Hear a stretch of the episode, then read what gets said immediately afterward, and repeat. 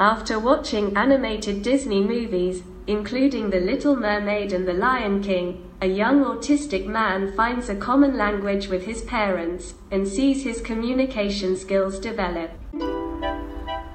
ဟေသူမလေးတို့ရှင်သိဘရင်ကြီးတို့အဆရှိတဲ့ Disney ကထုတ်တဲ့ကာတွန်းရုပ်ရှင်ကားလေးတွေကိုကြည့်ရှုပြီးတော့မှ autism ရှိတဲ့လူငယ်လေးတယောက်ဟာ အသက်3နှစ်နောက်ပိုင်းမှာသူ့ရဲ့မိဘတွေနဲ့အပြန်အလှန်ဆက်သွယ်နိုင်ဖို့အတွက်နားလည်နိုင်တဲ့ဘာသာစကားတစ်ခုကိုရှာဖွေတွေ့ရှိသွားတဲ့နောက်မှာတော့သူ့ရဲ့ဘဝမှာရှိတဲ့ပြောဆိုဆက်ဆံရေးစွမ်းရည်တွေဘယ်လိုတိုးတက်လာသလဲဆိုတာကိုလေ့လာဖို့အတွက်ဒီဘက်မှာ live animated ဆိုတဲ့မှတ်တမ်းရုပ်ရှင်ကားအရှိတစ်ခုနဲ့မိတ်ဆက်ပေးကြပါတယ်။ Director Roger Ross Williams ကနေပြီးတော့မှ2016ခုနှစ်မှာရိုက်ကူးထုတ်လုပ်ခဲ့တာဖြစ်ပါတယ်။ သူဟာဒီရုပ်ရှင်ကားမတိုင်ခင်မှာ2010ခုနှစ်မှာ Music by Prudence ဆိုတဲ့ Arthrogryposis လို့ခေါ်တဲ့ကိုအင်္ဂါမတန်ဆွမ်းသူ WeChat နဲ့အဆိုတော်အမျိုးသမီးလေးအကြောင်းကိုနိုင်ဝက်ဝန်းကျင်မှတ်တမ်းရုပ်ရှင်အတူလေးရိုက်ပြီးတော့မှသူဟာပထမဦးဆုံး African American Director တယောက်အနေနဲ့82ကြိမ်မြောက် Academy ဆုကိုစခုရရှိခဲ့တာဖြစ်ပါတယ်။ တကယ်တော့ဒီရုပ်ရှင်ဟာအရင်ဦးဆုံးစာအုပ်အဖြစ်ထွက်ရှိထားခဲ့တာဖြစ်တယ်2014ခုနှစ်မှာထုတ်လုပ်ခဲ့တဲ့ Live Animated A Story of Psychics Heroes and Autism ဆိုတဲ့စာအုပ်ကို journalist တယောက်ဖြစ်တဲ့ Ron Suskin ဆိုတဲ့ပုဂ္ဂိုလ်ကနေပြီးတော့မှမိမိရဲ့သားကလေးနဲ့အသက်3နှစ်နောက်ပိုင်းမှာ autism ရှိချောင်းသိလာတဲ့အခါမှာ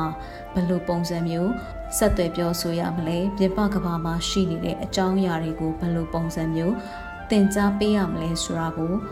သားလေးအရန်ကြိုက်နှစ်သက်တဲ့ Disney ကထုတ်တဲ့ကာတွန်းရုပ်ရှင်တွေကဇက်ကောင်တွေရဲ့ပြောစကားတွေကိုအသုံးပြုပြီးတော့မှဆက်သွယ်ရင်းနဲ့ဒီနီလန်းကိုရှာဖွေတွေ့ရှိခဲ့တာဖြစ်တယ်။ပြောရမယ်ဆိုလို့ရှိရင်ဒီနီလန်းဟာရုပ်ရှင်အသုံးနှုန်းအရဆိုလို့ရှိရင် universal ဖြစ်တယ်လို့ပြောလို့ရတယ်။ universal ဆိုတဲ့သဘောတရားသည် ကဘာကြီးပေါ်မှာရှိတဲ့ autism သားသမီးတွေကိုပိုင်ဆိုင်ထားကြတဲ့မိဘတွေအနေနဲ့ဒီနီလန်းကနေပြီးတော့မှတခုခုအထောက်ပံ့ကောင်းဖြစ်ဖို့အတွက်အလားအလာအများကြီးရှိတယ်အလွယ်တကူလဲလက်လှမ်းမိနိုင်တဲ့ Disney ကာတွန်းလေးတွေကိုအသုံးပြုပြီးတော့မှကိုယ့်ရဲ့မိသားစုထဲမှာရှိတဲ့ autism သားသမီးတွေနဲ့ပဲဖြစ်စေပြင်ပကဘာကအကြောင်းအရာတွေကိုဆက်သွယ်ပြောဆိုပြီးသင်ကြားပေးဖို့အတွက်ပဲဖြစ်စေ သူတို့မှာလွှမ်းမိုးမှုရှိတဲ့ဇက်ကောင်လေးတွေရဲ့ပြောစကားတွေကိုအသုံးပြုပြီးတော့မှဘယ်လိုပုံစံမျိုးစကားပြောစွမ်းရည်တွေတိုးတက်လာအောင်လုပ်လို့ရတယ်။ဘဝအကြောင်းကိုနားလည်အောင်လုပ်လို့ရတယ်ဆိုတာကိုရှာဖွေတွေ့ရှိခဲ့တဲ့အတွက်အရန်ကိုအဖို့ထိုက်တန်တယ်။ဒါကြောင့်မို့လို့လေဒီစာအုပ်ကိုအခြေပြုပြီးတော့မှအသက်20ကျော်ဘွဲရပြီးဖြစ်တဲ့ autism အမျိုးသားလေး Owen Saskin ရဲ့အကြောင်းကို မှတ်တမ်းရုပ်ရှင်ကားရှိအဖြစ်ဖန်တီးခဲ့တာဖြစ်တယ်။ဒီထဲမှာလည်းသူ့ဘဝမှာလွှမ်းမိုးမှုရှိနေတဲ့ဒီကာတွန်းဇက်ကောင်လေးတွေကနေပြီးတော့မှဘယ်လိုပုံစံမျိုးသူ့ရဲ့ဘဝကိုပြန်ပြီးတော့မှဖန်တီးမှုတွေလှုပ်လာနိုင်တဲ့အထိနက်နက်ရှိုင်းရှိုင်းထိုးဖောက်ဝင်ရောက်ပြီးတော့မှသင်ပေးလဲဆိုတာကိုလည်းကျမတို့တွေ့မြင်ရမှာဖြစ်ပါတယ်။ And then the doctor sits us down and she says, Let me explain this to you. This is called autism. We didn't hear anything she said after she said that word. It's 1994. We know what everyone knows at that point. We know Rain Man. Yeah, flying's very dangerous. 1987, there were 30 airline accidents, 211 were fatalities, 231 were definite passengers. You're telling me my son is like Dustin Hoffman in that movie? That can't be. And her response is maybe, maybe not. Many of them never get their speech back.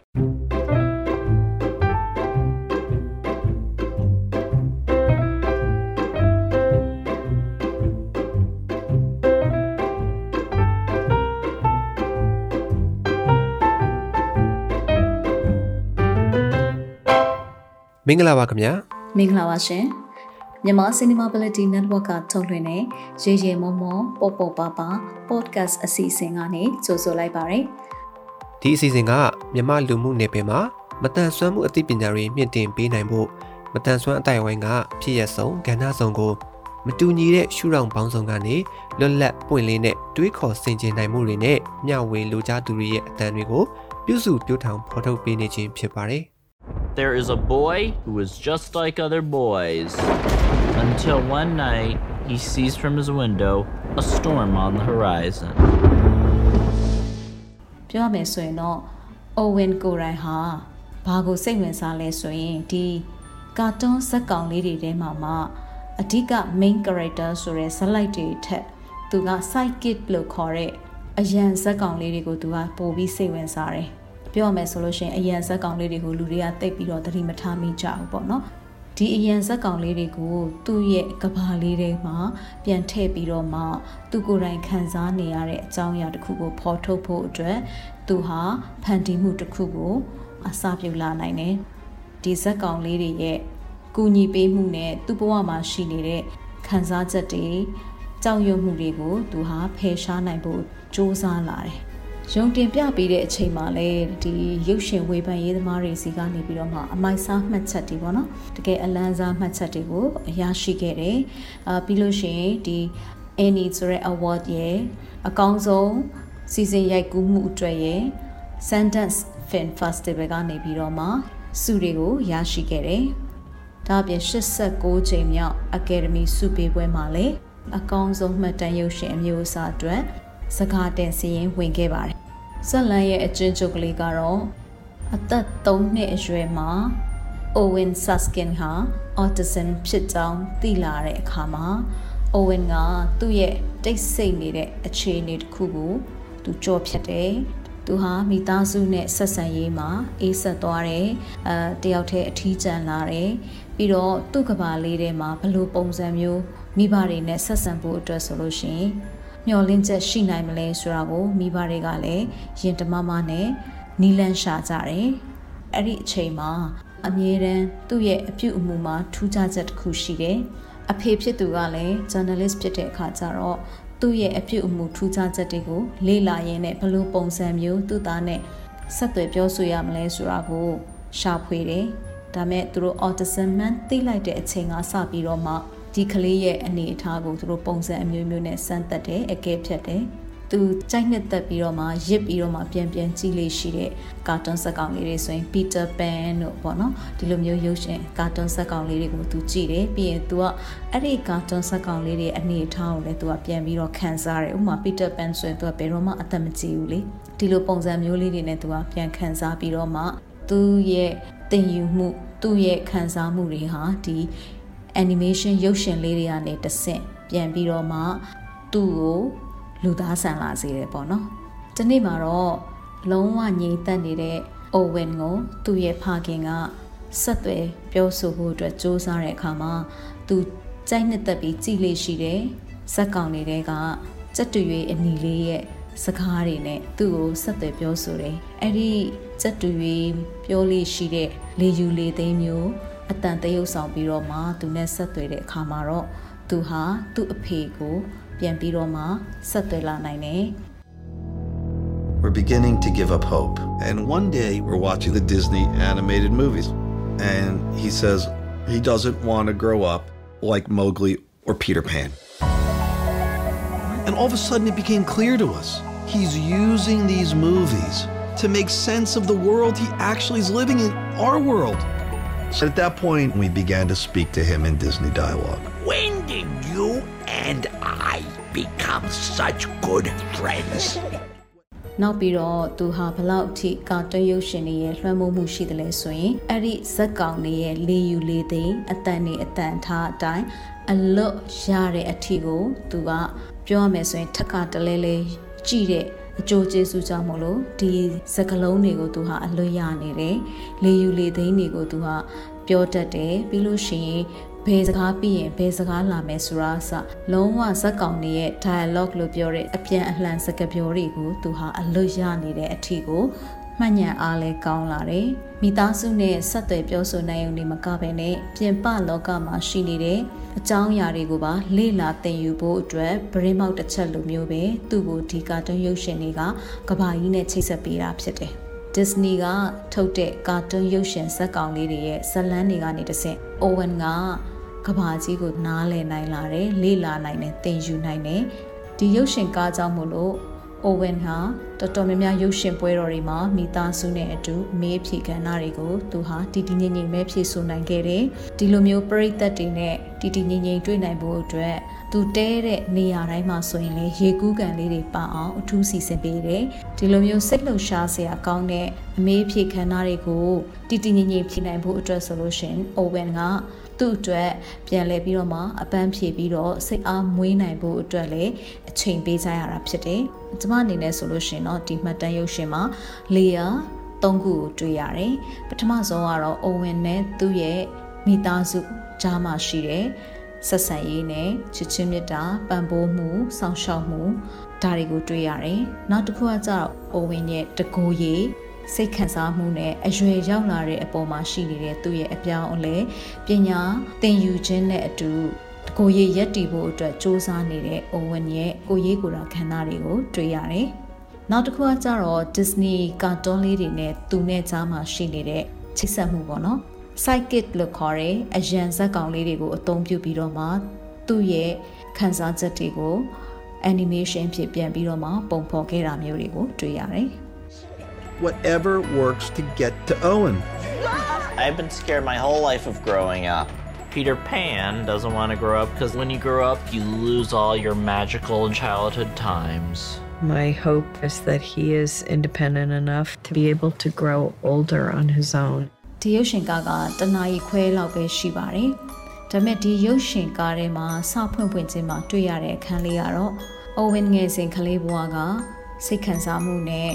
တွေ့ကြုံတွေကိုလည်း animation နဲ့တစ်စိတ်တစ်ပိုင်းပြန်ပြီးတော့မှပုံဖော်ထားတာဖြစ်တဲ့အတွက် Disney ကထုတ်တဲ့ animation တွေနဲ့ပတ်သက်တဲ့ archive လို့ခေါ်တဲ့ဒီရှိပြီးသား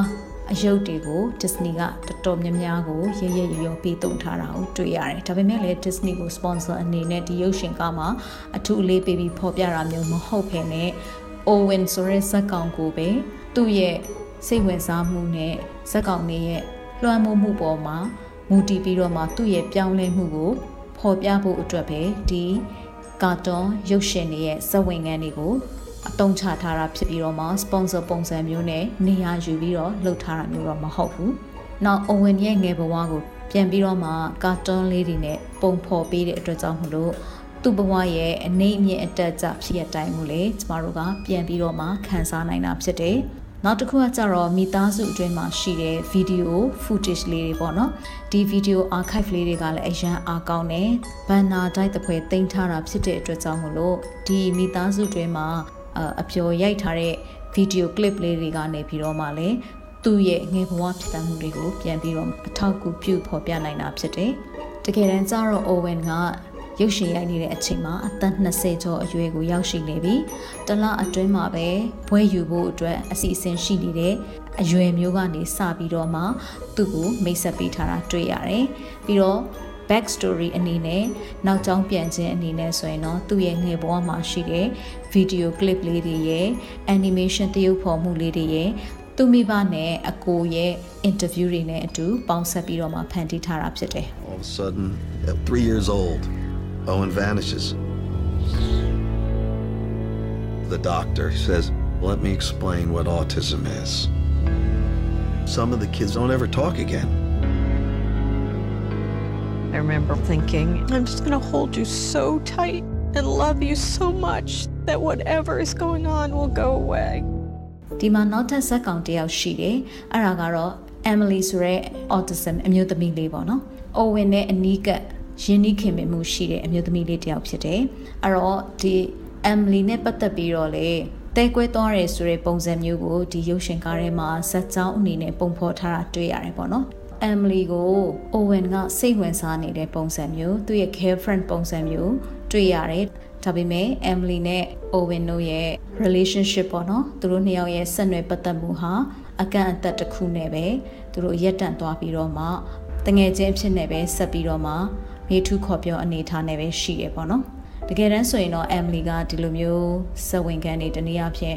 သူနဲ့အဆက်ပြတ်သွားတယ်။ Owen ကခံစားရတယ်ဆိုတဲ့ဟာမျိုးတွေကိုသူသိပြီးတော့မှဟိုမခံစားခြင်းဘူးပေါ့နော်ဒီရုပ်ရှင်ကားထဲမှာပါတာကိုသူ့အနေနဲ့လည်းတတန်တတာဖြစ်ပုံမရဘူးပေါ့နော်ဒါပေမဲ့လည်းအခုချိန်မှာတော့ Owen ကသူ့ကိုယ်သူသူနေတဲ့ Boston မြို့မှာသူဟာကြက်တီအရှိဆုံးတသူတို့သားလောင်တနည်းအားဖြင့်လူပြိုကြီးဖြစ်တယ်ဆိုတာမျိုးသူက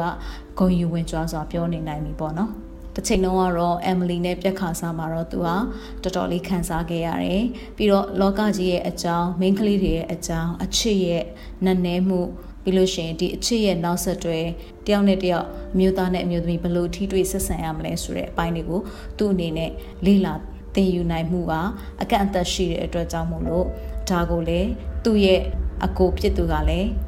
စိတ်ပူပန်တယ်လို့သူကလည်းအမ်မလီနဲ့ ဆက်ဆံရေးပြတ်တောက်သွားတဲ့အခါမှာပြန်ပြီးတော့သူ့ကိုယ်သူတဲ့မှတ်ဖို့အတွက်ဒီသဘောတရားကိုသူနားလည်လက်ခံနိုင်ဖို့အတွက်သူတော်တော်လေးစူးစမ်းခဲ့ရတယ်ပေါ့နော်ဒါလေးကလည်းလူသားဆန်မှုကိုတွားပြီးမြင်ရတယ်အရွယ်ရောက်လာတဲ့အခါမှာချစ်ချင်းမြတ်တာနဲ့ပတ်သက်တဲ့ခံစားချက်တွေကိုသူတို့ဖော်ထုတ်ပြသကြတယ်ဒါပေမဲ့သူတို့တယောက်နဲ့တယောက်ဘယ်လိုပုံစံမျိုး ပေါ့နော်ချစ်ချင်းမြတ်တာကိုဖော်ပြရမယ်အာသဘောတူညီမှုတွေကိုဘယ်လိုညှိနှိုင်းယူရမယ်စသဖြင့်ဘယ်လိုမျိုးအမျိုးသားနဲ့အမျိုးသမီးဆက်ဆံရေးကိုတည်ဆောက်ရမယ်ဆိုတာမျိုးတွေကိုသူ့အနေနဲ့ဒီနှလုံးသားရေးရမှာတော့သူဟာအထီးကျန်မှုကိုခံစားခဲ့ရတယ်ပေါ့နော်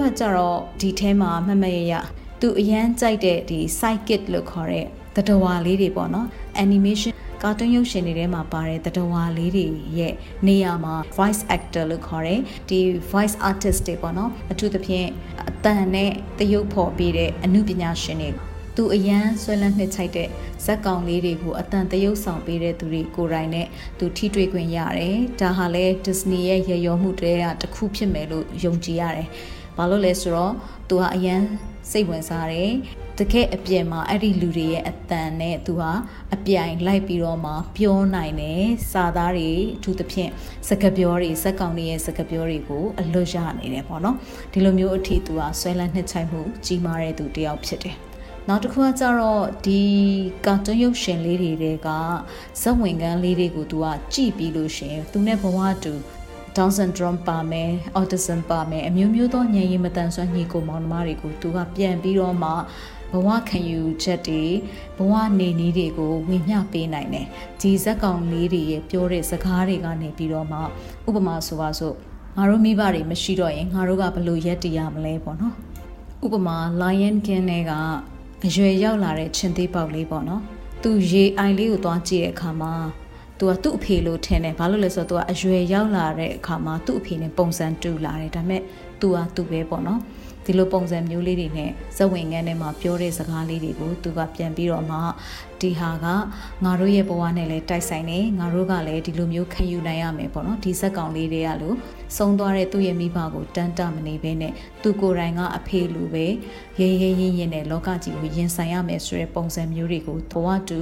ညင်ရီမတန်ဆွမ်းညီကိုမောင်မတွေကိုသူကပြန်သင်ပေးတယ်ပေါ့နော် sharing ပြန်လုပ်ပေးတယ်ဒါကလည်းအရန်ကိုချစ်ဖို့ကောင်းတယ်ပြီးလို့ရှိရင်သူတို့ရဲ့ smart ဖြစ်ခြင်းပေါ့နော်ဒီရုပ်ရှင်ကားတွေကနေဒီလိုမျိုးသင်ယူရမယ်ဆိုတာကိုသူတို့အနေနဲ့သိနေတာဟာသူတို့အနေနဲ့ခံစားတတ်တာဟာအရန်ကိုအားရစရာကောင်းတယ်လို့ကျွန်မမြင်နေပေါ့နော်။ဘာလို့လဲဆိုတော့တော်တော်များများက entertain ဖြစ်ဖို့အတွက်ပဲရုပ်ရှင်တွေကို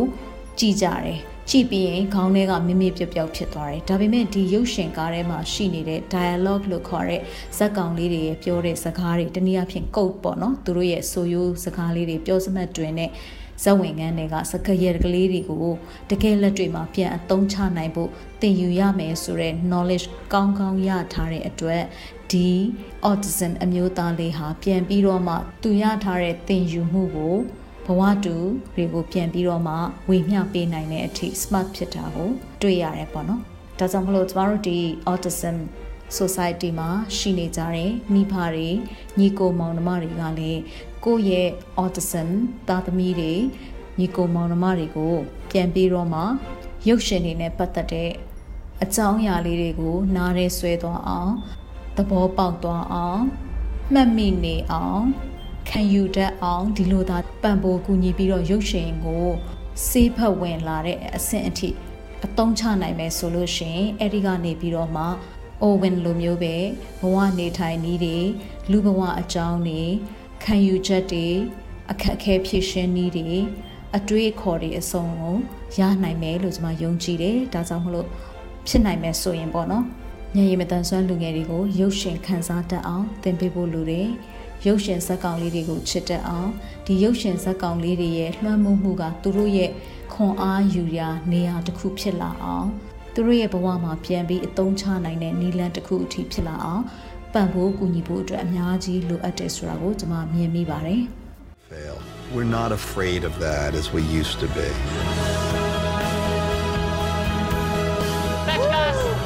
I just can't believe how far Owen has come.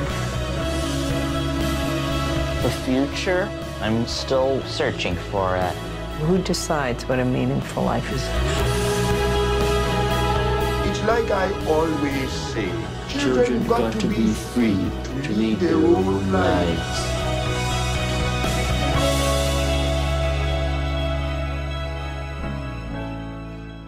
နောက်တစ်ခုကတော့ independent ဖြစ်ခြင်းပေါ့နော်။ Owen ဟာဘွဲရပြီးသွားတဲ့အခါမှာသူ့တယောက်တည်းအခြေချနေထိုင်ဖို့အတွက်သူ့မိဘတွေနဲ့85မိုင်အကွာဝေးမှာရှိတဲ့ assisted living community ဆိုတဲ့ဒီမတန်ဆွမ်းသူတွေကို ကူညီဆောင်မပြီးတော့မှသူတို့နဲ့လိုက်ဖက်တင်တော်တဲ့နေထိုင်မှုဖြစ်ဖို့အတွက်လုပ်တဲ့အဆောင်တစ်ခုမှာကိုယ်ပိုင်အခန်းနဲ့သူသွားပြီးတော့နေရတယ်။အဲ့တော့ဒီမှာလဲ independent ဖြစ်ခြင်းကိုကျမတို့တွေ့ရတယ်အထူးသဖြင့် Owen ကသူကိုယ်တိုင်ပဲသူ့ရဲ့ဝေယဝိစာတွေကိုလုပ်ရတာမျိုးအာသူနဲ့ပတ်သက်တဲ့အကြောင်းအရာတွေကိုဥပမာစာတိုက်ပုံးကိုဖွင့်ပြီးတော့မှစာတွေသွားယူတာမျိုးစသဖြင့်ဒါတွေအကုန်လုံးကိုသူကိုယ်တိုင်တယောက်တည်းလုပ်ရတယ်မျိုးပတ်ပြီးတော့စပိန်စီးတယ် သူ့ရဲ့နေထိုင်စားသောက်မှုအတွက်ဝေယဝိစာအလုံးစုံနဲ့တကူရတကာရ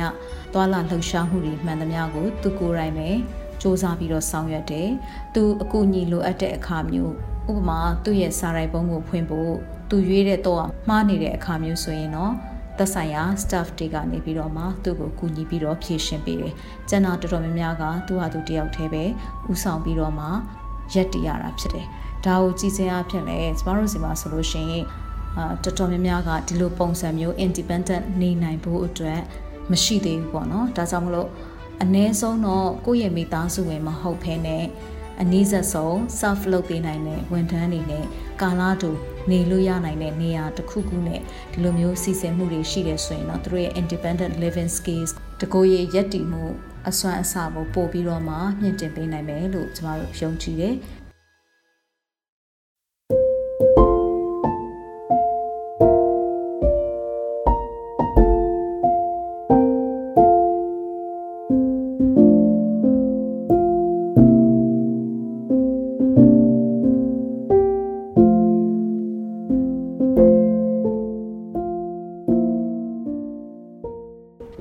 ဒီမှာကသူ့ရဲ့အကိုဖြစ်သူကိုတွားပြီးတော့သတိထားမိတယ်ပေါ့နော်။ကိုယ့်ရဲ့ညီကိုမောင်နှမတွေမှာမတန်ဆွမ်းသူတူဦးတယောက်ရှိနေတဲ့သူတွေအနေနဲ့ဆိုရင်တော့ဒီခံစားချက်ကိုပို့ပြီးတော့မှနားလည်ကြလိမ့်မယ်လို့ယုံကြည်တယ်။ဘာဖြစ်လို့လဲဆိုတော့တဖြည်းဖြည်းနဲ့မိဘတွေကအသက်ကြီးလာပြီးမွေးနေ့တစ်ခုလုပ်ပြီးသွားတိုင်းအကိုဖြစ်တဲ့သူ့ရဲ့စိတ်ထဲမှာလည်းတာဝန်ပိုပိုကြီးလာတယ်လို့သူခံစားရတယ်။ သူမိဘတွေမရှိတဲ့အချိန်မှာသူ့ညီလေးကိုဆက်ပြီးတော့စောင့်ရှောက်နိုင်ဖို့အတွက်လေတာဝန်ယူမှုတာဝန်ခံမှုအပြည့်နဲ့စဉ်းစားပေးနေတဲ့ခံစားချက်တွေကိုသူ့ရဲ့မျက်လုံးနဲ့သူ့ရဲ့အပြောစကားတွေမှာတည်တည်ချာချာမြင်နိုင်ပါတယ်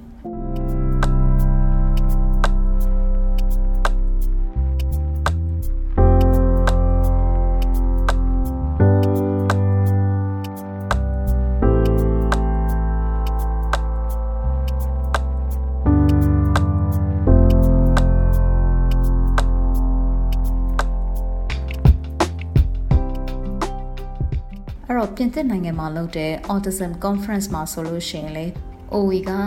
ဒီ conference တက်လာတဲ့သူတွေကိုပထမအဆုံးချိန်အနေနဲ့ဝေမျှပေးရမှာကတော့ဘယ်လိုပုံစံမျိုးကဘာကြီးကိုနားလည်ဖို့အတွက် Disney ကထုတ်တဲ့ရုပ်ရှင်တွေကအထောက်အကူပြုတယ်လေပြီးလို့ရှိရင်ကိုကိုရိုင်းရဲ့ဆွဲလန်းနှစ်သက်မှုကိုရှာဖွေဖို့အတွက် autism လူငယ်တယောက်အနေနဲ့ဒဒီကာတွန်းရုပ်ရှင်တွေရဲ့အခုအညီဘယ်လိုရယူခဲ့တယ်လဲဆိုတာတွေကို ဝေမျှပေးဖို့အတွက်ဖိတ်ခေါ်ခြင်းခံခဲ့ရတယ်။အဲ့ဒီကိုသွားတဲ့အခါမှာလဲသူဟာတီတီငင်ငင်နဲ့ပဲပြင်သစ်လို့လဲနှုတ်ဆက်နိုင်တယ်။သူ့ရဲ့အကြောင်းအရာကိုလည်းသူကိုယ်တိုင်စ조사ရေးသားပြီးတော့မှပြောဆိုတင်ဆက်နိုင်ခဲ့တာတွေ့ရပါတယ်။ဒါကလည်းအရန်ထူးခြားတဲ့အချက်တစ်ခုဖြစ်ပါတယ်။ဆိုတော့မတန်ဆွမ်းသူတယောက်အနေနဲ့ကိုယ်တိုင်တွေ့ရှိထားတဲ့အကြောင်းအရာကိုဖော်ထုတ်တင်ဆက်နိုင်စွမ်းရှိခြင်းနဲ့ဖော်ထုတ်တင်ဆက်ဖို့အတွက်ထိုက်တန်တဲ့ အတွေ့အကြုံနဲ့စူးစမ်းအားထုတ်မှုတွေရှိခြင်းဟာလည်းအမတန်ကိုလေးစားအားကြစရာကောင်းတာဖြစ်ပါတယ်။ autism မှာတော့ကျွန်မနားလည်မှုအရဆိုလို့ရှိရင်အဲဒီသင်ယူနိုင်စွမ်းတွေကတော့ level အမျိုးမျိုးရှိကြပါတယ်။ဒါပေမဲ့လည်းသူ့ရဲ့ level အရာသူလုံနိုင်မှုကို သူတယောက်တည်းတွေမပြီးသွားဘဲနဲ့အများအတွက်ပြန်ပြီးတော့ sharing လုပ်ပေးနိုင်ခဲ့တယ်။နောက်တစ်ခါကျတော့ဒီမှတ်တမ်းရုပ်ရှင်ကားအပြင်စောစောရပြောသလို universal ဖြစ်တဲ့အတွေးအမြင်တစ်ခုကတော့ကမ္ဘာပေါ်မှာရှိကြတဲ့ autism သားသမီးတွေကိုပိုင်ဆိုင်ထားကြသူတွေအနေနဲ့ဆိုရင်အမှုပညာအပြင်မိမိတို့ရဲ့ကလေးတွေရဲ့သင်ယူနိုင်စွမ်းတွေလေ့လာနိုင်စွမ်းတွေကိုပိုပြီးတိုးတက်အောင်ဒီအမှုပညာကိုချစ်တတ်အောင်အမှုပညာနဲ့ကိုယ့်ရဲ့ခံစားမှုကိုယ့်ရဲ့ဘဝ ကိုဖော်ထုတ်ခြင်းတဲ့အကြောင်းအရာတွေကိုကိုစားပြုပြီးဖော်ထုတ်နိုင်အောင်ဝိုင်းဝန်းမြင့်တင်ပေးကြဖို့အတွက်လေနီလန်းရှာပြီးတော့လုပ်တဲ့နေလို့ကျွန်မအနေနဲ့မိမောင်းထိုးပြချင်တာဖြစ်ပါတယ် When I look in the mirror I see a proud autistic man ready to meet a future that is bright and full of wonder. He's going to have to fall and fail. We're not afraid of that as we used to be. ဒီရုပ်ရှင်ကားဟာလည်းပဲ independent film လို့ခေါ်တဲ့အမိခိုခင်းတဲ့ရုပ်ရှင်ဖြစ်တဲ့အတွက်ကြောင့်မလို့စုတွေလည်းတော်တော်များများရထားတဲ့အတွက် YouTube မှာတော့အလွယ်တကူလဲရှာကြည့်လို့မရသလိုမြန်မာစာရန်ထိုးနဲ့လည်းမရှိပါဘူးအဲ့တော့ကျွန်မတွေ့ထားတဲ့ website မှာတော့အင်္ဂလိပ်စာရန်ထိုးနဲ့တွားရောက်ပြီးတော့မှရှုစားနိုင်ပါတယ်ရုပ်ရှင်ကတော့လွယ်ကူရုပ်ရှင်နဲ့အင်္ဂလိပ်စကားနဲ့အသုံးပြုထားတာဖြစ်တဲ့အတွက်လည်းမိတ်ဆွေတို့အနေနဲ့အနည်းဆက်ဆုံးစူးစမ်းပြီးတော့မှ လေ့လာကြည့်ဖို့အတွက်လည်းတိုက်တွန်းပါတယ်ဒါမှသာလျှင်ရုပ်ရှင်ကနေကျမတို့ကအမှုပညာရဲ့ပိုင်းဆိုင်ရာခံစားမှုတွေကိုသင်ယူနိုင်ုံနဲ့မကဘဲနဲ့ language လို့ခေါ်တဲ့ဘာသာစကားပိုင်းဆိုင်ရာအလေးအကျင့်ကောင်းတွေကိုလည်းလေ့လာဖော်ထုတ်ဖို့အတွက်အင်္ဂလိပ်စာရန်ထိုးနဲ့ကြည့်ဖို့လည်းကျွန်မအနေနဲ့တိုက်တွန်းလိုပါတယ်ရှင်အဲ့တော့ဒီရုပ်ရှင်ကိုကြည့်ပြီးပြီဆိုလို့ရှိရင်လေ မိမိတို့ရဲ့အတွေ့အမြင်တွေနဲ့မိမိတို့နဲ့နှီးစပ်တဲ့အတိုင်းဝိုင်းမှာရှိနေတဲ့သူတွေထဲမှာ autism သားသမီးတွေကိုပိုင်ဆိုင်ထားကြသူတွေကိုလည်းလက်ဆင့်ကမ်းပြီးတော့မှဒီအမှုပညာနဲ့ပတ်သက်ပြီးတော့မှ autism လူငယ်တွေရဲ့ဘဝနေနည်းတွေ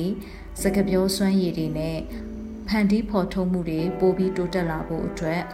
ကိုးကားချက်တစ်ခုအနေနဲ့ ဖွံ့ဖြိုးရေးလှုပ်ရှားမှုတွေထဲမှာဒီလိုမျိုးအမှုပညာနဲ့ပတ်သက်တဲ့အကြောင်းအရာတွေကိုထည့်သွင်းပြီးတော့မှလှုပ်ဆောင်ဖို့အတွက်လည်းအားပေးတိုက်တွန်းချင်တာဖြစ်ပါတယ်။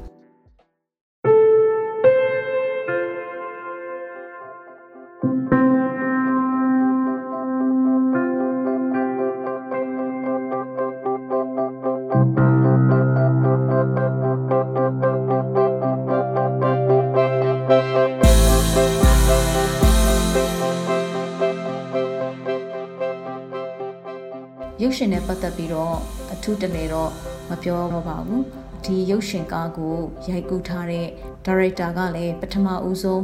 နိုင်ဝက်ဝန်းကျင်မှတ်တမ်းရုပ်ရှင်အတူလေးရိုက်ပြီးတော့မှအကယ်ဒမီဆုရထားတဲ့သူဖြစ်တဲ့အတွက်ကျမသူ့ရဲ့လက်ရာတွေကိုပို့ပြီးတော့မှလေးစားတယ်အားကြတယ်ကျမကိုယ်တိုင်လည်းမတန်ဆွမ်းမှုနဲ့ပတ်သက်ပြီးတော့မှဒီလိုမျိုးဖော်ထုတ်ရိုက်ကူးတဲ့သူတယောက်ဖြစ်တဲ့အတွက်ပို့ပြီးတော့မှသူ့ရဲ့ရုပ်ရှင်တွေကနေလည်း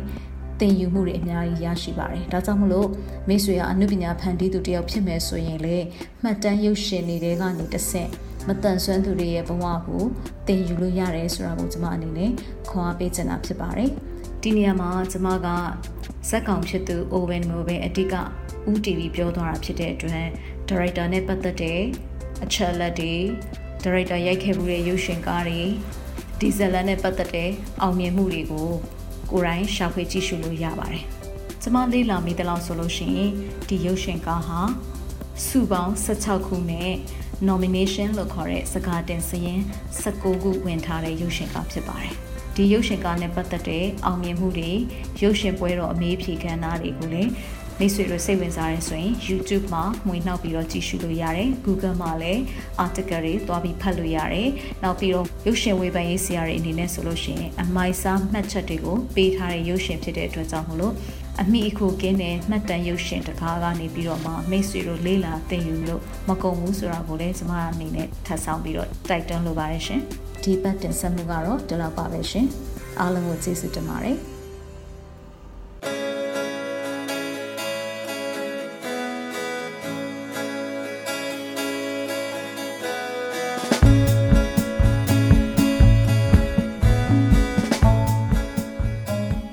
ခုအစီအစဉ်ကိုမိတ်ဆွေတို့အနေနဲ့အစအဆုံးနားထောင်ပြီးပြီဆိုရင်တော့မိမိတို့ရဲ့သဘောထားမှတ်ချက်များကို Anchor မှာအတန်နဲ့စာနှမျိုးလုံးနဲ့ဖြစ်စေ Facebook မှာစာနဲ့ဓာတ်ပုံနှမျိုးလုံးနဲ့ဖြစ်စေပေးနိုင်ပါပြီနော်ဒီအစီအစဉ်နဲ့ပတ်သက်ပြီးမိတ်ဆွေတို့ရဲ့မှတ်ချက်ပေးခြင်းအကြံဉာဏ်ပေးခြင်းမေးမြန်းခြင်းတို့ကိုလည်းအထူးပဲဖိတ်ခေါ်ပါရစေမိမိတို့ရဲ့ပူပေါင်းတင်ဆက်မှုအတွက်ဒါမှမဟုတ်စုံစမ်းမေးမြန်းမှုအတွက်စိတ်ဝင်စားတယ်ဆိုရင်တော့ မြန်မာ cinemaability@gmail.com ဒါမှမဟုတ်တင်ဆက်သူများရဲ့ Viber နံပါတ်များဖြစ်တဲ့ကိုပြည့်39 26 125 6493နဲ့မနွေ39 453939 6935တို့ကိုဆက်သွယ်ဆောင်ရွက်နိုင်ပါတယ်။ မိတ်ဆွေတို့အနေနဲ့ဒီစီစဉ်ကိုမတိသေးသူများသိဖို့လိုအပ်နေသူများမတန်ဆွမ်းအရေးကိုမိမိတို့ရဲ့လုပ်ငန်းခွင်အသီးသီးမှာထည့်သွင်းဆောင်ရွက်ဖို့စိတ်ဝင်စားသူညီသူကိုမဆိုထပ်ဆင့်ဝေမျှပေးရင်သတင်းကောင်းပေးနိုင်ပါတယ်မြန်မာပြည်သူပြည်သားများအားလုံးမတန်ဆွမ်းမှုအသိပညာတွေတိုးပွားကခွဲခြားဆက်ဆံမှုကင်းပြီးအားလုံးအကျုံးဝင်တဲ့လူမှုအတိုင်းအဝန်တစ်ခုကိုအမြန်ဆုံးဖော်ဆောင်နိုင်ပါစေလို့ဆန္ဒပြုရင်းဒီကနေ့အစီအစဉ်ကိုဒီမှာရန်နာပါရစေ။ တောတာရှင်အားလုံးနေ့ရက်အသက်တိုင်းမှာကောင်းစည်းမင်္ဂလာပေါင်းများစွာရယူပိုင်ဆိုင်နိုင်ပါစေလို့လည်းကျွန်မကဆုတောင်းမြတ်တာပို့တာအပ်ပါတယ်။။နောက်ပတ်စနေနေ့ည9:00နာရီမှာပြန်ဆောင်ကြရအောင်နော်။